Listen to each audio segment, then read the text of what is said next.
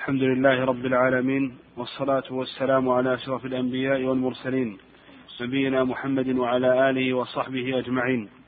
أما بعد فهذا هو المجلس العاشر من مجالس شرح الطحاوية من شرح معاني شيخنا يوسف الغفيص وينعقد هذا المجلس في الثامن من شهر ربيع الثاني من عام اثنين وثلاثين وأربعمائة وألف في جامع عثمان بن عفان بحي الوادي في مدينة الرياض. قال, المو... قال الإمام أبو جعفر أبو جعفر الطحاوي رحمه الله تعالى والأمن والإياس ينقلان عن ملة الإسلام وسبيل الحق بينهما لأهل القبلة ولا يخرج العبد من الإيمان نعم. الحمد لله رب العالمين وصلى الله وسلم على نبينا محمد وآله وأصحابه أجمعين يذكر أبو جعفر رحمه الله ما يتعلق بمقامات العبودية وأن سبيل العبادة التي بعث بها الأنبياء عليهم الصلاة والسلام هو استصحاب مقام الخوف ومقام الرجاء.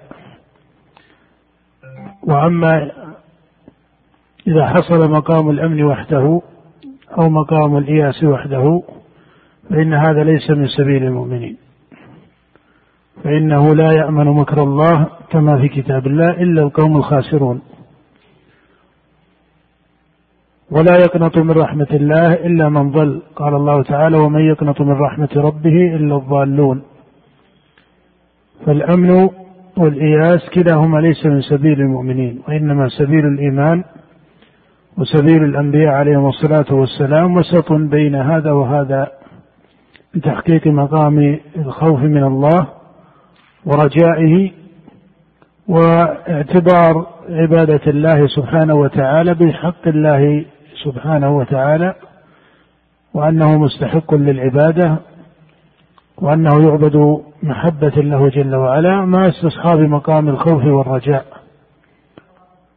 فهي مقامات ثلاثة مقام المحبة والخوف والرجاء وهي معتبرة مجتمعة وهي معتبرة مجتمعة نعم. قال رحمه الله ولا يخرج العبد من الإيمان إلا بجحود ما أدخله فيه. قال ويخرج العبد من الإيمان إلا بجحود ما أدخله فيه. ولا يخرج العبد من الإيمان إلا بجحود ما أدخله فيه. أي أن من جحد فإن من جحد ما أمر الله به أو أخبر الله به فأنكر معلوما من الدين ظاهرا من الدين فإن هذا الإنكار يخرج من الملة. وأما إذا ترك حكما شرعيا لتأويل أو لم يجعله محرما باجتهاد ونحو ذلك كما هو ظاهر في كلام العلماء والفقهاء فهذا ليس منه. إنما مراد العلماء لما يذكرون الجحود هو الجحود لما كان شرعيا ثابتا في الشريعة كتكذيب الكتاب والسنة والأحكام الثابتة في الشريعة. أما من تأول حكما من الأحكام بخلاف فقهي فيه ونحو ذلك فهذا ليس من هذا الباب. نعم. والإيمان هو الإقرار باللسان والتصديق بالجنان. قال والإيمان هو الإقرار باللسان والتصديق بالجنان. وهذا التعبير قاصر في كلام الإمام أبي جعفر رحمه الله لأنه اعتبره بالطريقة التي عليها مرجئة الفقهاء وهم طائفة من فضلاء العلماء والفقهاء من أهل الكوفة. وأول من بدأ هذا القول من أهل العلم والفقه حماد بن أبي سليمان وإن كان الإرجاء سابقا له لكن قدماء المرجئة كانوا نظارا. منحرفين عن أصول السنة والجماعة. وأما من كان من سواد الفقهاء والأئمة المعظمين للسنة والجماعة فأول من بدأ ذلك هو حماد بن أبي سليمان الفقيه. ولم يكن من المتكلمين ولم يكن من النظار بل كان من عداد الفقهاء وله فقه معروف وهو إمام فاضل وفقيه كبير. لكنه زل في هذه المسألة مسألة الإيمان. وأصحابه ومن قبله من كبار فقهاء الكوفة كإبراهيم النخعي إمام الكوفيين ومن قبله كذلكم أتباع عبد الله بن مسعود. معلوم ما هو متواتر عند سائر أئمة السنة من الصحابة ومن بعدهم أن الإيمان قول وعمل. هذا عرض في فقه الكوفيين وأول من عرض له حماد بن أبي سليمان. ولما تقلد هذا القول الإمام أبو حنيفة رحمه الله وهو إمام متبوع كما هو معروف وصار له مذهب واسع شاع هذا القول في كثير من الحنفية وغيرهم. والصحيح الذي عليه سواد أئمة السنة وهو إجماع السلف الأول من الصحابة والتابعين أن الإيمان قول وعمل وأن الأعمال داخلة في مسمى الإيمان وقول باللسان وقول بالقلب قول القلب هو تصديقه وعمل القلب وعمل الجوارح. وجمل السلف في الإيمان متنوعة وهذا التنوع في الألفاظ وإلا الدلالة المتضمن واحد. والمشهور عن أكثر أئمة السنة أنهم عبروا أن الإيمان قول وعمل وأرادوا بالقول قول القلب وقول اللسان. وهذا يقع في كلام العرب وفي لسان العرب. وأرادوا بالعمل عمل القلب وعمل الجوارح. وعبر بعض أئمة السنة بما هو المشهور في كلام بعض المتأخرين أنه قول باللسان. واعتقاد بالقلب وعمل بالأركان وبالجوارح. وهذا تعبير فيه بيان لمن لم يكن عالما أو فقيها فإنه أكثر تفصيلا. وإن كانت الكلمة التي قالها كبار الأئمة وأكثرهم أجود من بعض الوجوه اللفظية لكن هذه كلمة أيضا قالها الشافعي رحمه الله وجماعة. فالمقصود أن العبارات المأثورة عن أئمة السنة في هذا واحدة في دلالتها وهي دالة على أن الأعمال داخلة في مسمى الإيمان خلافا للمرجئة. وقولهم إن الإيمان يزيد وينقص وبهذا خالفوا الخوارج والمعتزلة. فقول أئمة السنة والجماعة أن الإيمان قول وعمل يزيد وينقص. فكونه قولا وعملا خرج بذلك قول المرجئة وكونه يزيد وينقص خرج بذلك قول المعتزلة والخوارج من وجه وقول المرجئة من وجه لأن الأصل الذي اشتركت فيه الطوائف في مسألة الإيمان مرجئتهم وغلاتهم هو أنهم جعلوا الإيمان واحدا والصحيح أن الإيمان يزيد وينقص وله أصل وله فرع. كما قال النبي صلى الله عليه وسلم الإيمان بضع وسبعون شعبة. نعم. وجميع ما صح عن رسول الله صلى الله عليه وعلى آله وسلم من الشرع والبيان كله حق والإيمان واحد وأهله في أصله سواء. وجميع ما صح عن رسول الله صلى الله عليه وسلم من الشرع والبيان كله حق. وهذا معنى مجمل وهو مما يجب على المسلمين اعتقاده وهو الالتزام والتصديق بما جاء به الرسول صلى الله عليه وسلم. ثم يقول أبو جعفر رحمه الله والإيمان واحد وأهله في أصله سواء. وهذا تفريع عن قول مرجئة الفقهاء. والصواب أن الإيمان يزيد وينقص. وأما أن يقال إنه واحد أو ليس بواحد فهذا تعبير حادث. هذا تعبير حادث ولذلك لا يلزمك فقها وسنة أن تقول بل الإيمان ليس واحدا. فإن التعبير بإطلاق إن الإيمان واحد أو ليس واحدا هذا تعبير حادث. وفيه إجمال. وفيه إجمال. والصواب أن يقال الإيمان يزيد وينقص. كما جاء في كتاب الله في مواضع متعددة من القرآن ذكر زيادة الإيمان. ليزدادوا إيمانا مع إيمانهم. ويزيد الله الذين اهتدوا هدى.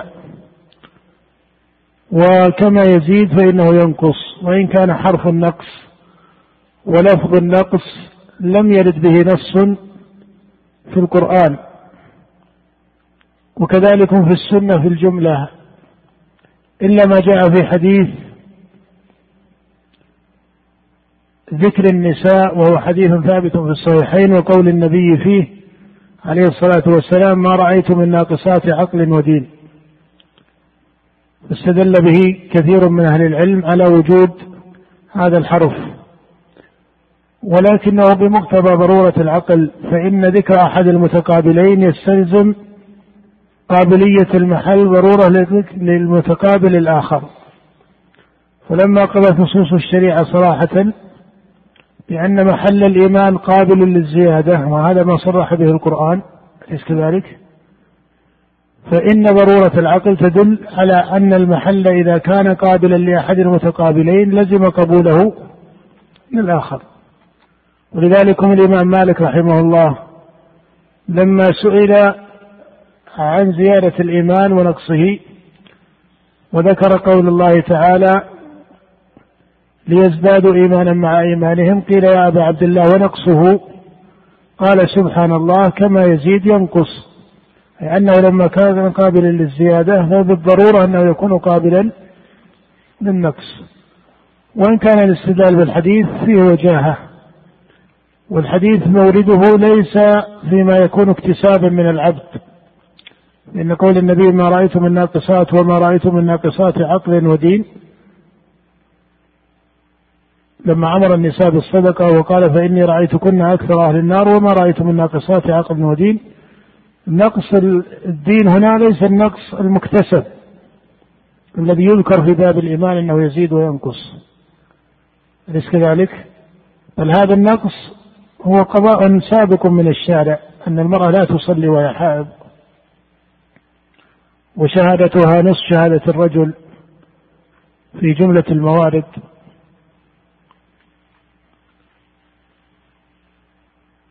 فإن قيل إذا كان هذا ليس في النقص المكتسب المكتسب فكيف يستدل به عليه؟ قيل لما سماه الشارع نقصا وهو ليس مكتسبا فمن باب أولى إذا كان من إيش؟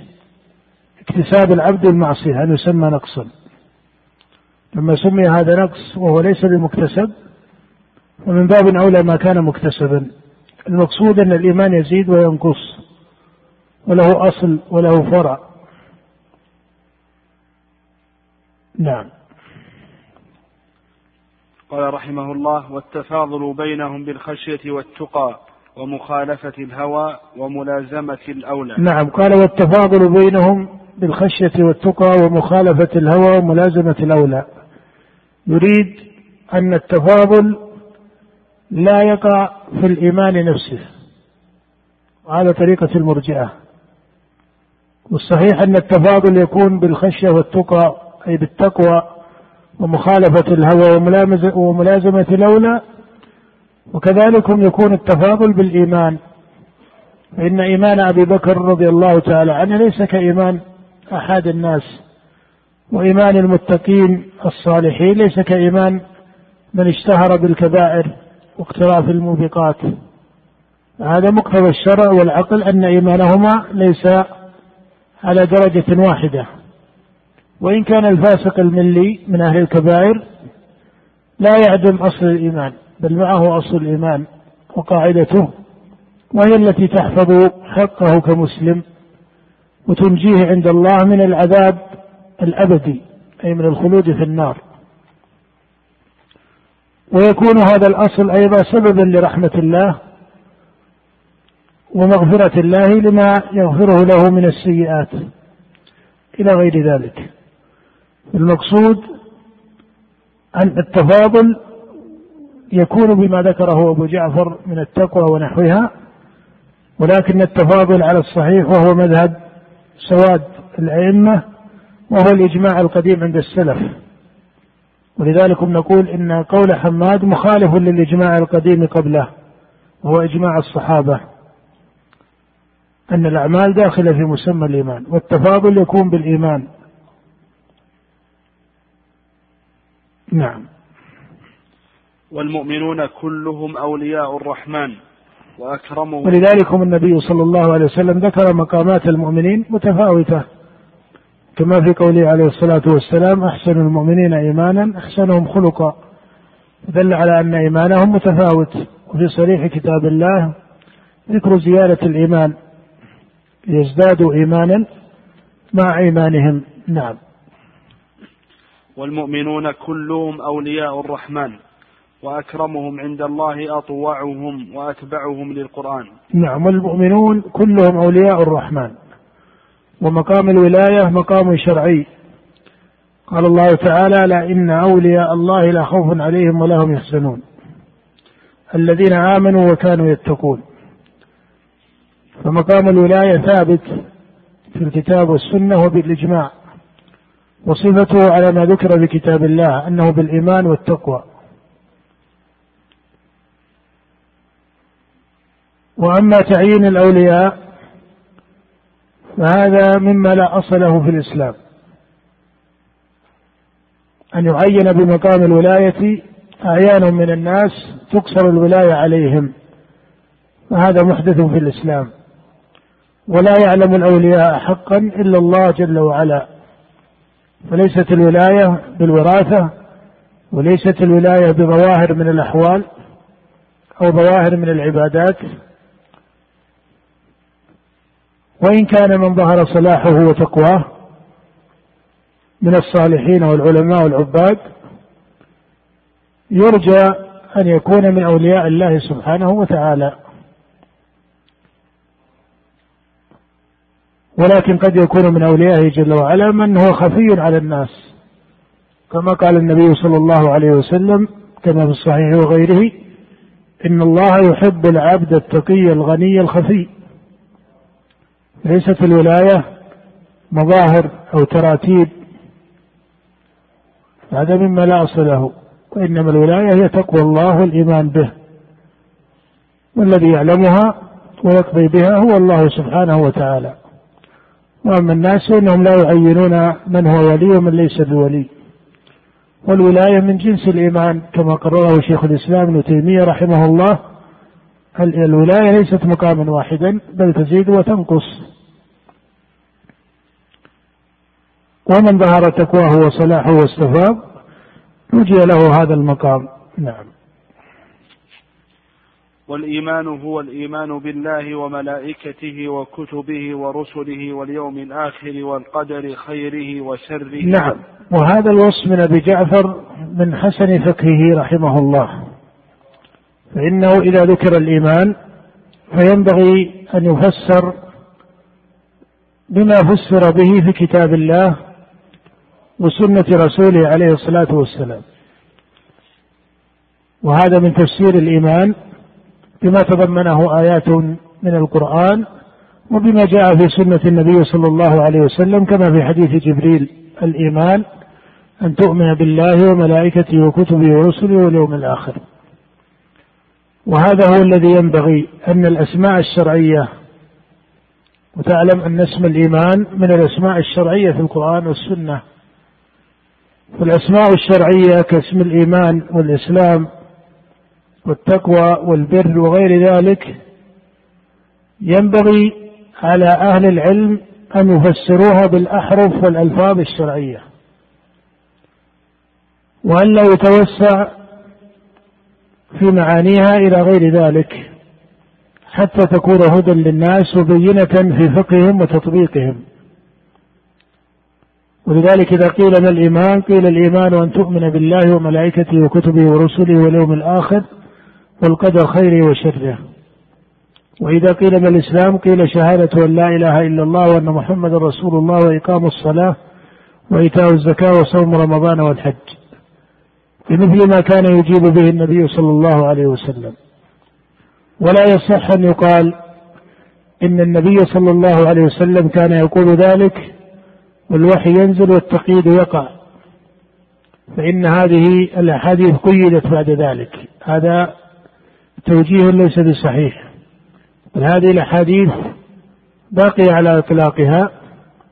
وإن كان فيها وجه من الإجمال من حيث ما تقتضيه وما تستلزمه من الأحكام فهذا مقام آخر.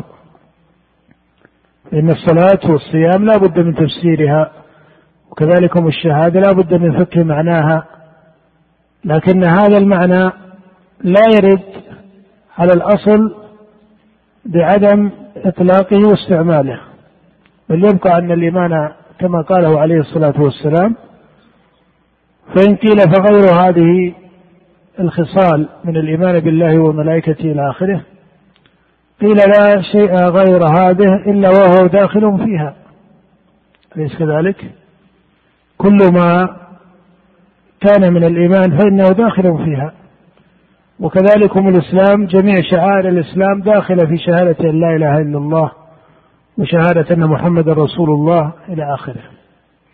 وهكذا.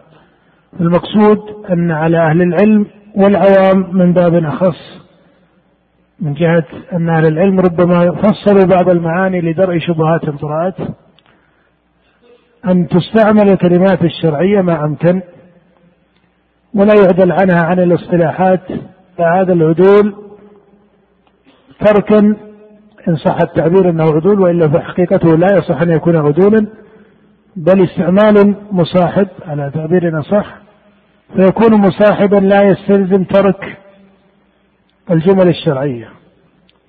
لا يستلزم ترك الجمل والأحرف الشرعية الواردة في الكتاب والسنة فإنها أكمل الحروف وأتم الحروف التي يفقهها الناس. نعم. والإيمان هو الإيمان بالله وملائكته وكتبه ورسله واليوم الآخر والقدر خيره وشره وحلوه ومره من الله تعالى. ونحن مؤمنون بذلك كله لا نفرق بين أحد من رسله ونصدقهم كلهم على ما جاءوا به. وأهل الكبائر من أمة محمد صلى الله عليه وسلم. نعم هذا وبالله التوفيق وصلى الله وسلم على نبينا محمد.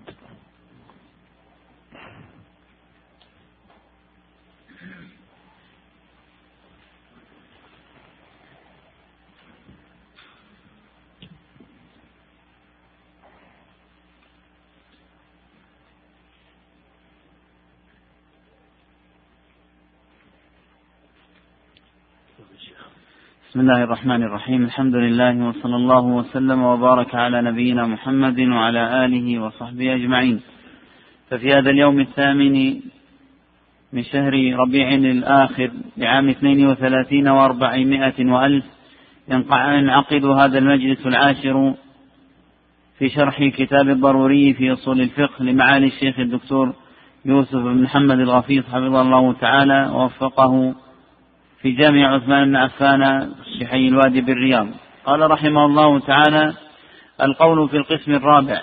هذا القسم يتضمن القول في أنها هنا أسبابا مظهرة للأحكام ولصفات تتصف بها الأحكام كالصحة والفساد وتتضمن شرح ما تدل عليه هذه الأسماء وهو أربعة فصول. نعم. الحمد لله رب العالمين وصلى الله وسلم على نبينا محمد وآله وأصحابه أجمعين. هذا القسم يشير به المصنف إلى ما يسمى في كلام أكثر أهل الأصول بالأحكام الوضعية. وذلكم أن علماء الأصول رحمهم الله لما قسموا الأحكام جعلوها على قسمين الأحكام التكليفية والأحكام الوضعية وهذا تقسيم اصطلاحي. وسموا الأحكام التكليفية كما سبق معنا وهي الخمسة الواجب والمحرم والمكروه والمستحب والمباح. هذه الأحكام الخمسة هي المسماة بالأحكام التكليفية وهي منضبطة بهذه الخمسة في الجملة وإن كان المباح فيه ما فيه من الخلاف من جهة دخوله فيها وسبق معنا الإشارة إلى أن تسميتها بالأحكام التكليفية اصطلاح عارض وليس ذلك الاصطلاح المتين لأنه أورد شبهة على المباح وعلى بعض المسائل. وأما تسمية القسم الثاني بالأحكام الوضعية فهو إشارة منهم إلى أن الشارع جعلها أمارة على الأحكام. والأحكام الوضعية ليست منضبطة بهذه العدد أو بهذا العدد كما في الأحكام التكليفية. ويذكرون فيها أي في الأحكام الوضعية الصحة والفساد والبطلان والرخصة والعزيمة على خلاف بينهم في دخول بعضها وعدم دخوله كما سيأتي إن شاء الله. نعم. الفصل الأول في الأسباب المظهرة للأحكام. اعلم أن الشرع قد نصب للأحكام علامات تتضمن وقوعها كما تتضمن العلل الحسية معلولاتها وبهذه الأسباب نتوصل إلى معرفة وقوع الأحكام وإلا كان إثباتها محالا والقول في تفصيل الأحوال التي تكون تكون مقتضية للأحكام هو في الجزء في الجزء الثالث من هذا الكتاب. الفصل الثاني فيما يدل عليه اسم الصحة والبطلان في الأحكام. اعلم أن هذا يطلق في العبادات على أوجه على أوجه مختلفة. فالصحة تنطلق عند المتكلمين على ما وقع على وفق الشرع. وجب القضاء أو لم يجب. وعند الفقهاء عما أجزأ وأسقط القضاء حتى أن صلاة من ظن أنه متطهر صحيحة في اصطلاح المتكلمين لأن القضاء لازم بأمر متجدد وهذه اصطلاحات لا مشاحة فيها إذا فهم الغرض. نعم أشار هنا إلى أن ثمة فرق بين اصطلاح المتكلمين والفقهاء في الصحة. فما وقع على وفق الشرع سماه المتكلمون صحيحا وإن كان يلزم فيه القضاء في بعض أحواله. كمن ظن أنه على طهارة فصلى فإن هذا ما عصى. يعني حال فعله لا يسمى إيش؟ عاصيا لأنه كان ليس مكلفا. بأكثر مما عنده من الذكر والعلم. ليس كمن تعمد أن يصلي على غير طهارة هذا الفرق. فيقولون لما كان هذا علمه فإن فعله وقع موافقا من هذا الوجه لأنه استجاب معنى أنه موافق للشرع ليس أن الفعل الصحيح إنما استجاب على قدر الطاقة. أنه استجاب على قدر الطاقة والاستطاعة. هذا معنى قوله أنه وقع موافقا أو على ما وقع على وفق الشرع. فإن قيل كيف يقولون أنه على وفق الشرع؟ ويوجبون عليه القضاء إذا أرادوا بكونه على وفق الشرع أنه وقع على قدر الطاقة والاستطاعة. وأما الفقهاء فإنهم يقصدون بالصحيح من الفعل ما أجزأ وسقط به الواجب أو سقط به التكليف. أما ما يجب فيه القضاء فإنهم لا يسمونه صحيحا. ويكون الفرق يكون الفرق هنا أن من تعمد الصلاة على غير طهارة لو قدر هذا قيل هذا باطل عند الفقهاء وعند المتكلمين. ومن أتى الصلاة يظن أنه على طهارة فبإجماع العلماء ولم يقل أحد من المتكلمين إنه لا يقضي.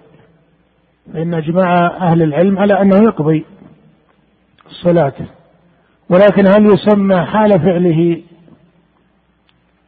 أنه صحيح أو باطل باعتبار حال الفعل؟ المتكلمون يقولون صحيح والفقهاء يقولون باطل وهذا اصطلاح ليس إلا نعم. قال وأما في العقود فينطلق الفساد فينطلق الفساد على كل حكم لم يتضمن أحد ما به يتم الحكم سواء كان ذلك شرطا أو سببا والصحة على مقابل هذا. اللهم إلا أن أصحاب أبي حنيفة فإنهم يخصون هو يشير المصنف هنا إلى الصحة والبطلان ثم يشير إلى الفساد. وأنت ترى هنا أن البطلان والفساد استعمل في كلام المصنف فهل البطلان والفساد من باب المترادف أم أن البطلان والفساد من باب المختلف؟ هذه مسألة فيها خلاف بين الفقهاء وأهل الأصول وهي من باب الاصطلاح أيضا وإلا فالشريعة واللغة لا توجد هذا الفرق بينهما عندما نفرق كما أن الشريعة واللغة لا توجد أن يكون معناهما واحدا. فطائفة من أهل العلم والأصول يقولون الفاسد والباطل على معنى واحد وهذا المشهور في مذهب الإمام أحمد والشافعي وهذا أقرب إلى دلالة اللغة هذا أقرب إلى دلالة اللغة. وقال أبو حنيفة وأصحابه أو تقول قال أصحاب الإمام أبي حنيفة وهذا المعتمد في مذهب الحنفية التفريق بين البطلان والفساد فيجعلون البطلان أشد رتبة من الفساد. بمعنى أنهم يقولون الباطل ما منع الشارع أو ما منعه الشارع من أصله كما في العقود المالية مثلا عقود المعاملات فيقولون ما نهي عنه من أصله فإنه يكون بيعا باطلا. وما نهي عنه لوصف فإنه يكون بيعا فاسدا. ولذلك بيع الأجنة في بطون أمهاتها يسميه علماء الحنفية من البيوع الباطلة لأنه فاسد من الأصل. أما ما كان لوصف مثل بيع العينة فيجعلونه من البيوع؟ الفاسدة ليس من البيوع الباطلة. هذا على كل حال اصطلاح. هذا على كل حال اصطلاح. نعم. قال اللهم إلا أن أصحاب أبي حنيفة فإنهم يخصون باسم الفاسد ما كان مشروعا في أصله ممنوعا في وصفه. لكن قد تقدم من قولنا أن كل ممنوع بوصفه ممنوع بأصله وعائد عليه بالفساد من جهة ما هو متصف. وبالجملة فالأحكام إنما تتصف بالصحة إذا فعلت بالأمور والأحوال التي اشترط الشرع في فعلها والفساد بخلاف ذلك. الفصل الثالث في وصف العبادة بالأداء والقضاء والإعادة. اعلم أن الواجب إذا أدي في وقته سمي أداء وإذا فعل مرة على نحو من الخلل ثم فعل ثانيا سمي إعادة. وإن أدي بعد خروج وقته المضيق أو الموسع مع تركه عمدا سمي قضاء. وقد نعم. يطلق نعم. الواجب إما أن يوصف بكونه أداء أو تقول العبادة الواجبة إما أن توصف وإنما ذكر الواجب لأن ما ليس واجبا لا يرد عليه ذلك. ما كان مستحبا لا يقال إنه يرد عليه ذلك وإنما أصله في الواجب. وإن كانت الشريعة كما تعرف جاءت بقضاء السنن والمستحبات ليس على الإطلاق. ليس على الإطلاق فليس كل سنة يمكن أن تقضى وإنما هذا له تفصيل وتأكيد. إنما الذي يضطرد فيه الأداء والقضاء والإعادة هو الواجب. فيكون أداء إذا أدي في وقته على وجه صحيح. ويسمى إعادة إذا أعيد في وقته أو خارج وقته لوجود خلل فإنه يسمى في الوقت عادة. وخارج الوقت إذا كان من باب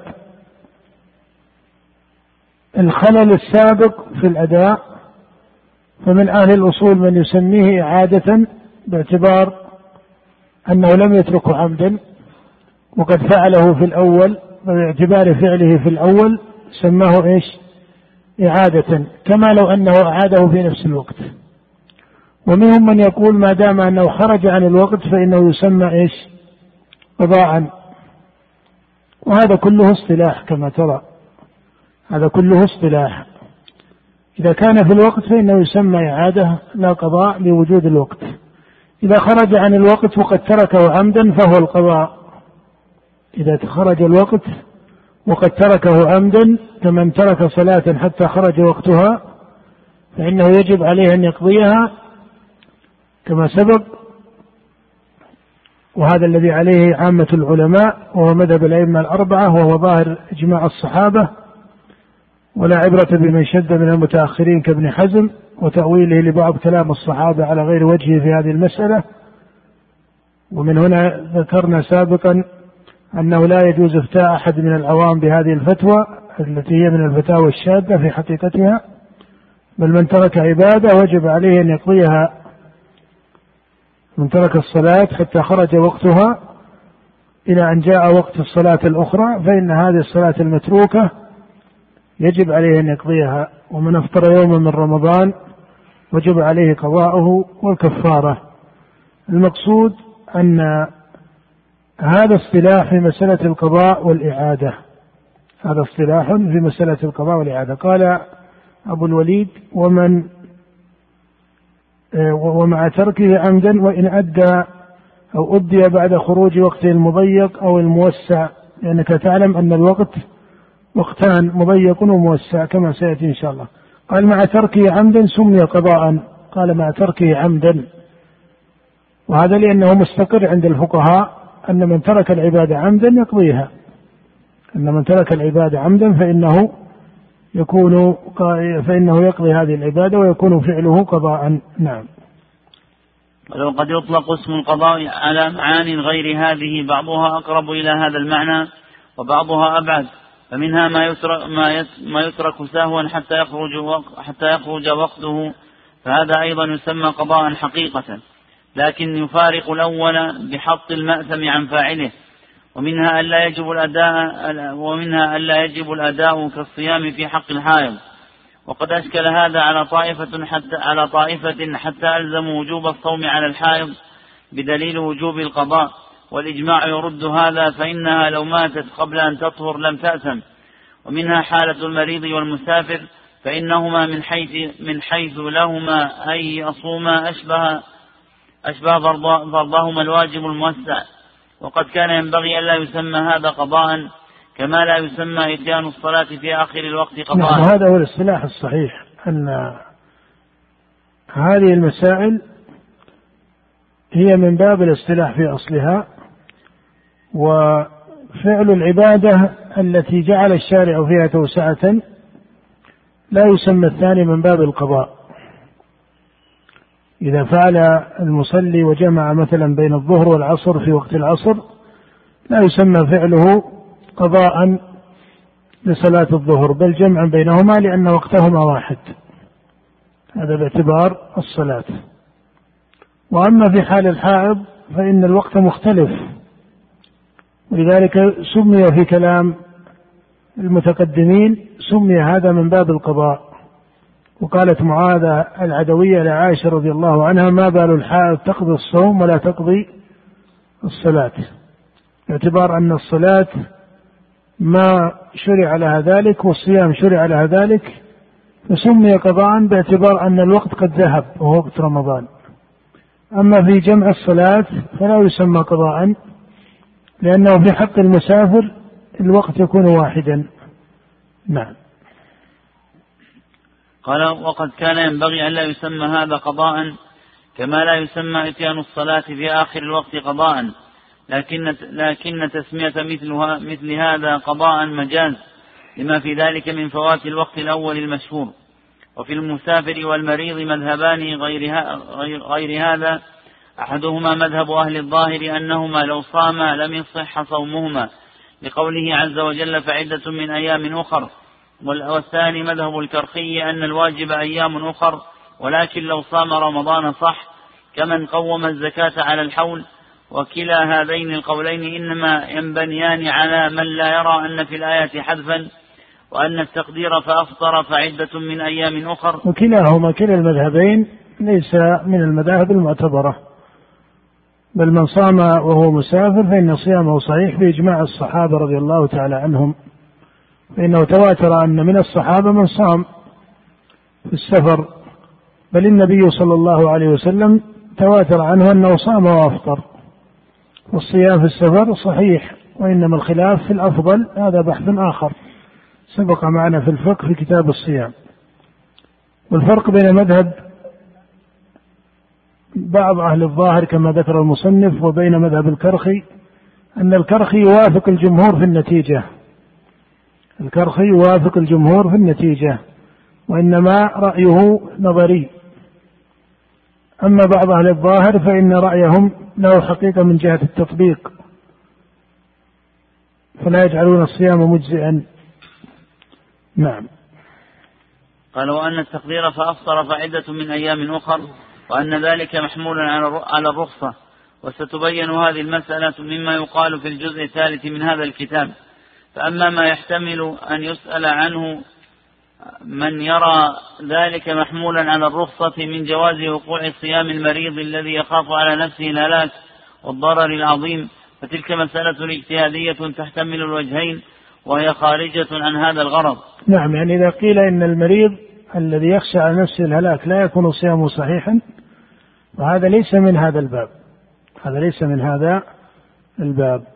هذه مسألة كما أشار أبو الوليد اجتهادية وليست من هذا الباب. نعم.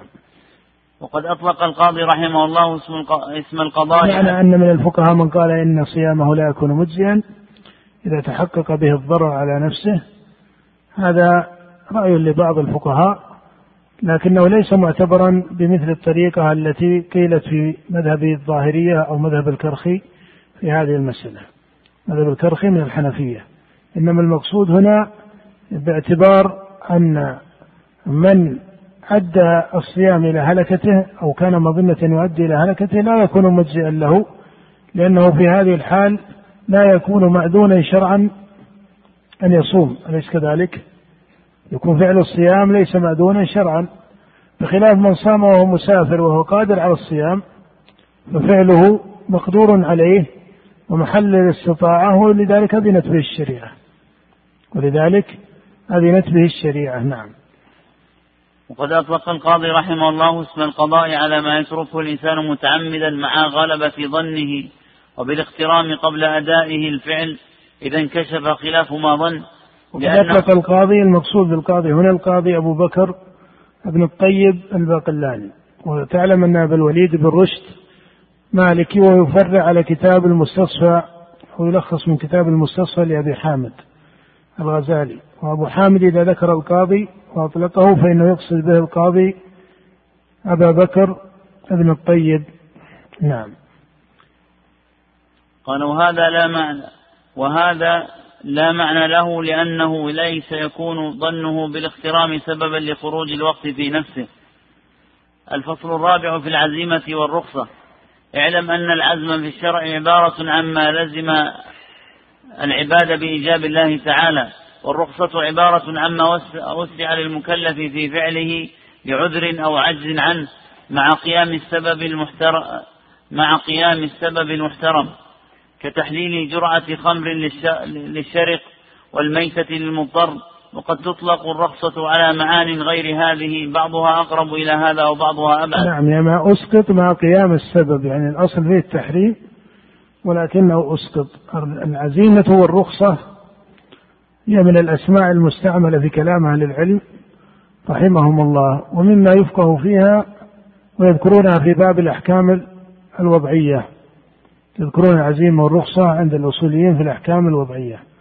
ومن الفقه فيها أن ثمة فرقا بين العزيمة والرخصة التي هي من رخص الشريعة أي من ترخيص الشارع نفسه كقصر الصلاة وجمع الصلاة والتيمم لمن لم يجد الماء. هذه نسميها رخص شرعية وهي التي يستحب إتيانها وتركها والإعراض عنها بدعة في الإسلام. وأما الرخص الاجتهادية التي هي رخص الفقهاء فهي التي قال فيها من قال من تتبع الرخص تزندق. هذه كلمة نقلت عن أبي يوسف القاضي صاحب الإمام أبي حنيفة وما أراد تزندق أنه يكفر. إنما كلمة الزنديق أو التزندق بمعنى النفاق أي أنه أصابه نفاق. كما قال شيخ الإسلام ابن تيمية كلمة الزندقة كانت هي كلمة عجمية في أصلها ليست من كلمات العرب. ويقول إن أن الزنديق في ذلك اللسان بعد عصر الصحابة يقول هو بمعنى المنافق في لسان الصحابة. فليس معنى قول أبي يوسف رحمه الله من تتبع الرخص تزندق كفر لا ما أراد هذا. إنما تزندق يعني أصابه وجه من النفاق. إذا قيل هنا ما المقصود أبي يوسف رحمه الله بهذه الكلمة؟ أي الرخص؟ أي الرخص؟ الرخص الاجتهادية. فأن يتتبع مذهب أهل المدينة في السماع وأهل الكوفة في الأشربة وأهل ومالك وأصحابه في الأطعمة فيتتبع ما تهوى نفسه ويتقلد قول كل فقيه من من المشرق إلى المغرب ليس اتباعا لدليل أو سنة أو عمل بمذهب معين وإنما يتتبع الرخص بمعنى إسقاطات العلماء أو إسقاطات الفقهاء. فهذا يقع في قلبه مرض ووجه من النفاق لكنه ليس بمعنى أنه يكفر.